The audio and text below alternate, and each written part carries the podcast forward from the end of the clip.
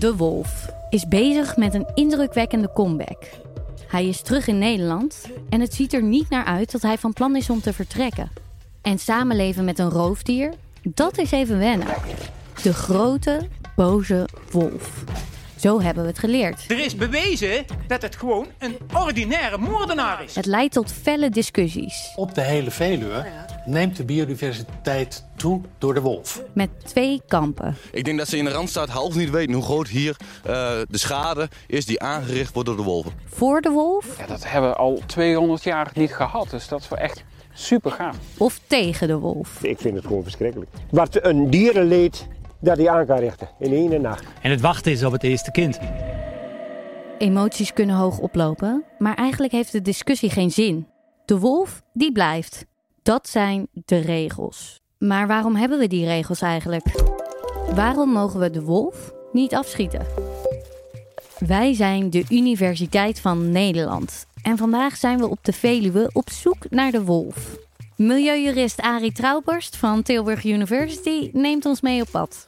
Al weten we allemaal dat onze zoektocht gedoemd is om te mislukken. Wolven zijn zo schuw. De kans dat je die in het wild in Nederland gaat zien is echt extreem klein. Gelukkig hebben we er alsnog eentje weten te vinden. Alhoewel die niet helemaal 100% meer levend is. Arie staat, oog in oog, met een opgezette wolf. Ja, fantastisch beest hè. Een joekel. En uh, wat zou je doen als je er zo eentje in het echt tegen zou komen? Uh, genieten van het moment, denk ik. Tenzij dit de afstand is, hè? Sinds een paar jaar leven deze indrukwekkende dieren ook in ons kleine landje. Terug van weg geweest, zou ik eigenlijk moeten zeggen. Inderdaad, het is een tijd geleden, maar vroeger kwam die hier voor. Uh, tienduizenden jaren lang. In de middeleeuwen zijn we als mens uh, serieus begonnen met uh, uitroeien van de wolf. En uiteindelijk is dat gelukt een paar eeuwen terug. Toen der tijd speelde het recht ook al een grote rol. Er was zelfs een wet die een beloning op het hoofd van de wolf zette. Als je erin slaagde om een wolf te doden en je kon daar bewijs van overleggen, dan kreeg je een premie, een bonus van de overheid. 30 gulden voor een vrouwtjeswolf, 25 voor een mannetjeswolf en 15 voor een jongen. Nou, tegenwoordig is dat precies andersom. Als je nu uh, een wolf doodt, dan kun je daar een hoge boete of zelfs gevangenisstraf voor krijgen. Ja, want sinds 1992 hebben we in Europa de EU-habitatrichtlijn. Dat is een wet voor natuurbescherming. En daarin heeft de wolf en ook andere kwetsbare soorten strikte bescherming gekregen. Er gelden uh, verboden op het uh, doden van wolven, het vangen van wolven, uh, het verstoren van de wolf in zijn leefgebied. En ook specifiek op het vernielen of beschadigen van zijn hol, zijn voortplantingsplaatsen. Eigenlijk moet je de wolf geen strobreed in de weg leggen. Daar komt kort samengevat de huidige wetgeving op neer. Dus nogal een verschil met hoe het paar honderd jaar geleden nog was. De Europese regels onder de habitatrichtlijn hebben voorrang boven Nederlandse regels. En dat betekent dat uh, ja, Nederland, Nederlandse samenleving, Nederlandse overheid eigenlijk weinig keus heeft. Dat de wolf toen hij begon te arriveren in Nederland eigenlijk per definitie welkom was, dat lag al vast vanwege die Europese wetgeving. Het heeft als gedupeerde schapenhouder dus niet zoveel zin om op het Malieveld te gaan demonstreren. De Nederlandse overheid mag er toch geen beslissing over nemen. En die sterke Europese regels, die hebben effect. Ja, de wolf zelf die uh, laat het zien. Die uh, is terug in uh, de Nederlandse natuur. Waar kwam die wolf dan ineens vandaan? Nou ja, ineens. Eigenlijk sinds die Europese wet zien biologen dat heel langzaam wolven vanuit allerlei hoeken van Europa weer terugkomen richting Nederland. En andere plekken waar die niet meer voorkwam. Vanuit het zuiden, vanuit Italië weer naar Frankrijk. vanuit Rusland weer naar Scandinavië. En vanuit Polen onder andere weer naar Duitsland. En vanuit het oosten van Duitsland is dat uh, steeds verder gegaan richting Nederland. Totdat ook weer bij uh, wolvengebied uh, ging horen. En inmiddels wonen hier vier wolvenfamilies, oftewel roedels. De Veluwe is echt kerngebied van de wolven in Nederland. Er zitten nu zo'n, voor zover bekend, drie roedels. Maar dat kunnen er binnenkort wel meer worden. En in Drenthe zit uh, één roedel en uh, misschien volgend jaar twee. We hebben ook een solitaire wolf die al heel dapper het een aantal jaar uithoudt op um, de Strabrechtse heide, dus op de grens van Brabant en Limburg. En die wolf is voor zover bekend de enige in Nederland gevestigde wolf die niet uit de Duitse populatie, maar uit de Franse afkomstig is. Dat de populatie wolven snel kan groeien, dat zien we bij onze oosterburen. In 20 jaar tijd zijn daar maar liefst 1200 wolven komen wonen. Maar wat als het in ons kleine landje ook zo snel gaat? Ja, de verwachting is niet dat er uh, steeds meer wolven in hetzelfde gebied zullen zijn. Dus dat de Veluwe duizenden wolven in zijn bossen heeft lopen. En dat komt door de manier waarop wolven zelf hun uh, maatschappij uh, organiseren intern. Dus elke wolvenroedel heeft een heel erg groot gebied nodig. simpelweg omdat ze het hele jaar rond voldoende eten moeten vinden. En uh, dan moet je genoeg uh, herten, zwijnen, reeën hebben. En dan heb je dus een groot areaal nodig van zo'n uh, 200 vierkante kilometer. Nou, dat territorium wordt fel verdedigd door de roedel die daar woont tegen de buren. En ja, je hebt dus eigenlijk nooit dat er in hetzelfde stukje bos steeds meer wolven komen. Want ze houden dat eigenlijk via dit mechaniek zelf op een relatief laag niveau. Volgens de Europese regels moeten we de wolf dus hartelijk verwelkomen. Maar waarom is dat zo? Kiest de wet de kant voor de wolvenliefhebber? Het perspectief van de individuele natuurliefhebber is goed te begrijpen. Het perspectief van de individuele schapenhouder is goed te begrijpen.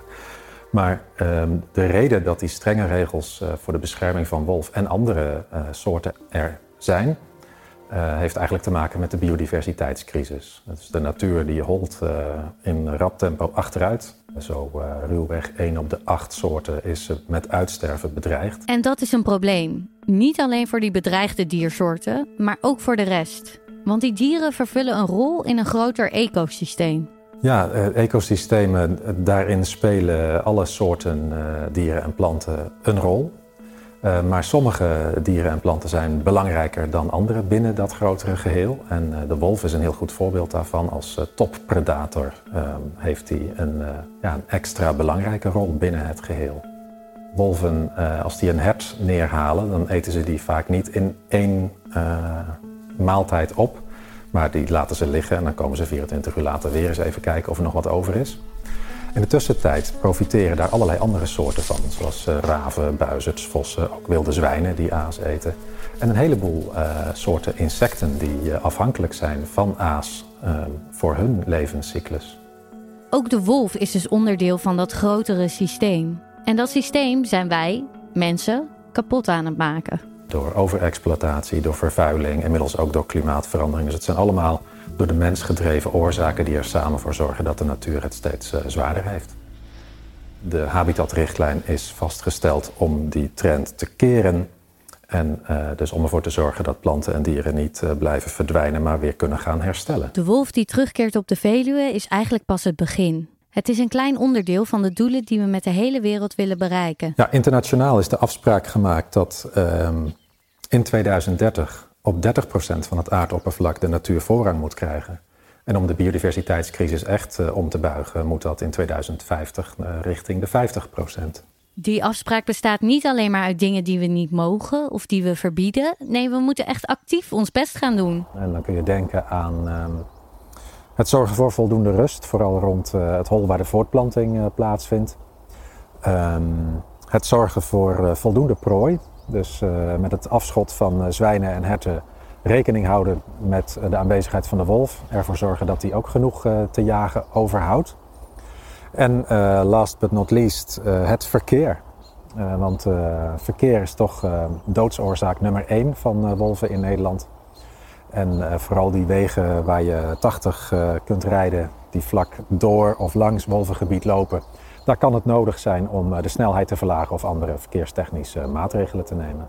Samenleven met de wolf, het is niet heel makkelijk. Maar aangezien de regels binnen afzienbare tijd niet zullen verdwijnen, kunnen we beter energie stoppen in de vraag: hoe kunnen we ermee samenleven en de lasten eerlijk verdelen? Ja, als ik schapenhouder was, dan zat ik niet op wolven te wachten. Dat is uh, zo klaar als een klontje uit elkaar gerukte schapen vinden in je weiland, dat, is, uh, dat hakt natuurlijk enorm in.